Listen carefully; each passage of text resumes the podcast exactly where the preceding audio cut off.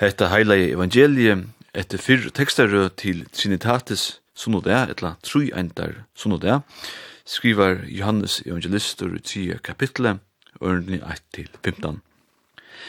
Men her var meður av fariseren at navne nevndur Nikodemus ein rahar tja jötun. Hesen kom til hansar og nått og sier vi han, Rabbi, vi vita at du er lærare komen fra gode, Tu at ongen kan gjere hese tekin som tu gjerst, utan god er vi honom. Jesus sverra og seg vi han, Sanneliga, sanneliga, siget her, ongen kan sutja hos rujtje, utan han vir fötter av nudjon. Nikodemus sier vi han, Gusse kan nekar vire fötter, tøy han er voren gammal. Mannan er er fyrir kunne komme inn i luivi av maursynne og vire fötter. Jesus sverrei, sanneliga, sanneliga, siget her, Ongen kan komme inn i Guds rydje, utan han vil føtter av vattne og anda. Det som er født av holden hon, er hold, og det som er født av andan hon, er ande. Undras ikkje om at jeg sier vitte, tid med jeg vil født av nudjon. Vinderen blæser hver som han vil, og du høyrer doni av honom, men du veist ikkje hver han kjemur og hver han fer. Såleis er til vi einon i kvarjon som er føtter av andanon.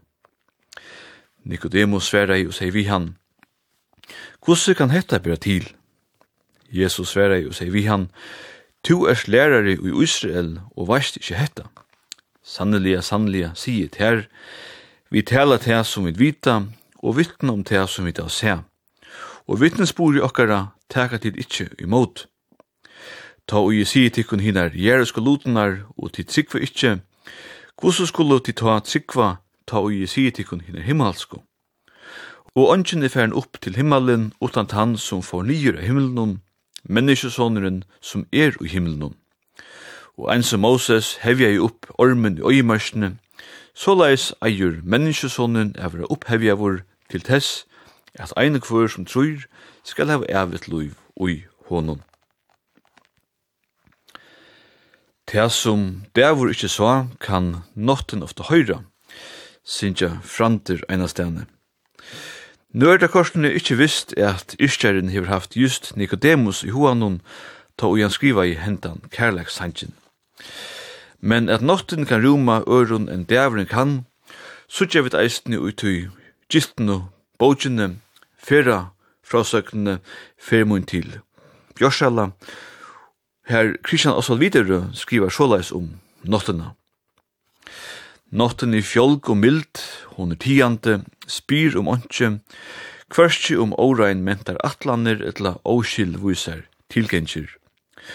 Hon er ein så mauer vi så sjuka baten, teker det blujan og varlige i nætser, teker det såleis som det er. Hon spyr ikkje om hver og kvui og kvussu. Alt det som dævren haunar og rikker fra seg, det teker notten i faun. Hon setter ongar domstolar og dømer ongan, hon meler og meter ikkje, heldur jaunar hon alt ut, tess vegna leitar til hennar alt det, som ikkje standa til mat som dævren setur, og som ikkje er ment til halta til lover som han skipar. Fjolgande breier hon synar mauli armar ut om til alt sammalt, og teker det tiante og lukten samlige i netser. Men hon hugsa sutt og ta djupt, og homar vi sunnum blinde eion fyrir attan alt hetta, større atlaner og hakre tilgengir enn dævren kronar. Så da skriver videre.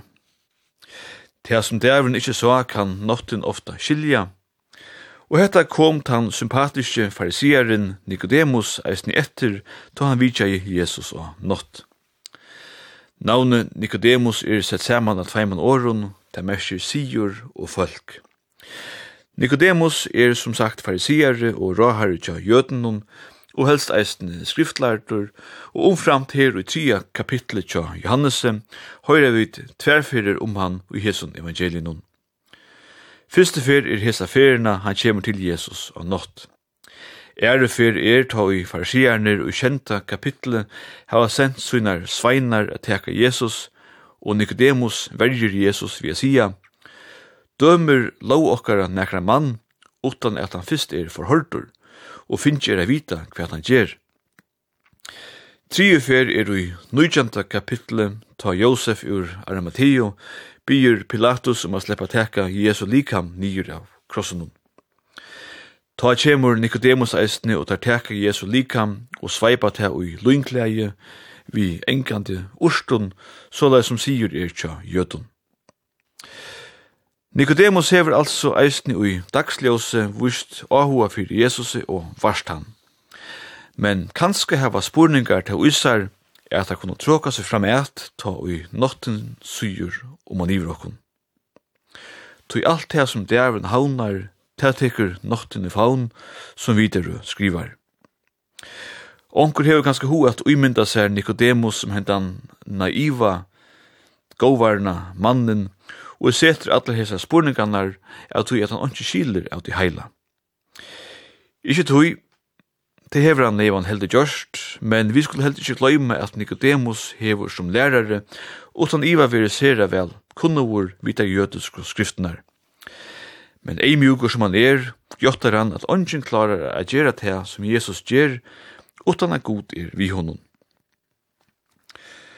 I morgen er Trinitatis sunnodavur etla trueindar sunnodavur.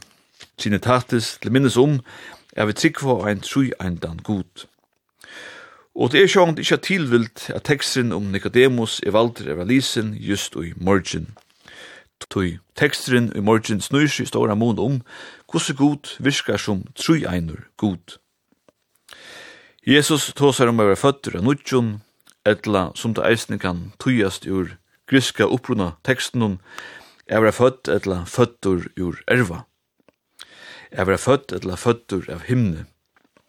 Ongen kan komme inn i Guds rujtje, utan at han eller hon vil født eller fødder av vattne og anda, veru sagt i teksten til morgen. Best i trimostøvun i Nudja Testamentet høyra vi om endurføying. Og i fyrra Petersbrevet og i fyrsta kapitlet veru sagt, Lova vår veru god og feir vårs Herre Jesu Kristus som etter Mikkel Miskunnsyne hefur endurfødt okkum til livande vågnar fyrir uppreist Jesu Kristus fra deion. Hesi årene vera søgt bægi vi døypefunten som parster av dopes ritualen ta vid vera døpt og av grævarbakkanon som parster av gjerraferar ritualen. Og ui tidusarbraunon høyra vid eisne om endurføying og i tria kapitlet her det sentur, Men ta i gøska og manna kærleik gods, frelsere vårs, vår åpenbæra, frelste han okkon, ikkje fire, rattferer, gjerningarna skuld, som vi tatt gjørst, men av miskomsyne, vi bæje, endurføyngar og endur, nudjanar og i heila anda. Og i mån til læresveinen Thomas, som jo vilde sutja og er han troe, så er det ikkje no mykje tja Nikodemus i sutja, som den intellektuelle jøden han er, spyr han tog, han vil skilja for at dette tåsi om andan er. Hette mindre okkur om en søvu om gamla kyrkjefeiren Augustin, som en dag spakar seg en tur fram i strondene, og hugsa djupt om hva det mestjer er god som er ein, er ein tru eintur god. Støttfrøylig etla matematisk gonger det jo ikkje opp. Ta så han ein lutla drong som hei ura gjerra vi et øysa sjekv vi einar lutla spann ivri et luti hål som han hei grive seg nyru i sanden. Kvært, gjerst du, spurte Augustin. I øysa sjekv ivri i et lutla hål sver ei drongren. Og tuin lutla klotten, sier Augustin. Helder du at du klarar at øysa alt verenshavet ivri i tutt lutla hål her av strandene? Men drongren var kvikur og sverreie, og tøyn store klotte. Heldur tu at du klarer at få gaten om tru endene iver tutt, luttla, mannavit. Om henta søvan er sånn, veit jeg ikkje, men fyrir det er en god, tu en viser er som så, kunne vi ikkje skilja at god som er ein er tru endur. Men vi kunne jo bruka myndina som til dømes a samanbera god vi vattne, som jo finnst i trimon formon, uise, vattne og dampe. Ongen kan komme inn i Guds rydje utan at han blir føtter av vattnet og anda, sier Jesus vi Nikodemus. Mestje hetta så over at døptur spyr onkur kanska. Jo, det gjør det, men det er ei kjent for Johannes evangeliet at Jesus tåsar om bæg vatten og anda. Og i kapitlet beint etter hetta lovar han ein kvinne ur Samario, og det var ikkje høgt i meten mittelen at eine kvør som drekkur av hansara vatne skal ikkje tysta. Og vi Nicodemus sier han jo at vinteren blæser hver som han vil, og du høyrer doni av honom, men du veist ikkje hver han kjemur og hver han fer. Såleis er det vi einane og kvarjon som er føtter av andanon. Griska året pneuma kan mestja bægi andi og vindur. Og tui, sutja vit ui føresko, tujinsne, bægi tujtja Jakob Dahl og tujtja Viktor Danielsen, at åraspelet tja Johannes ver til bægi anda og vind.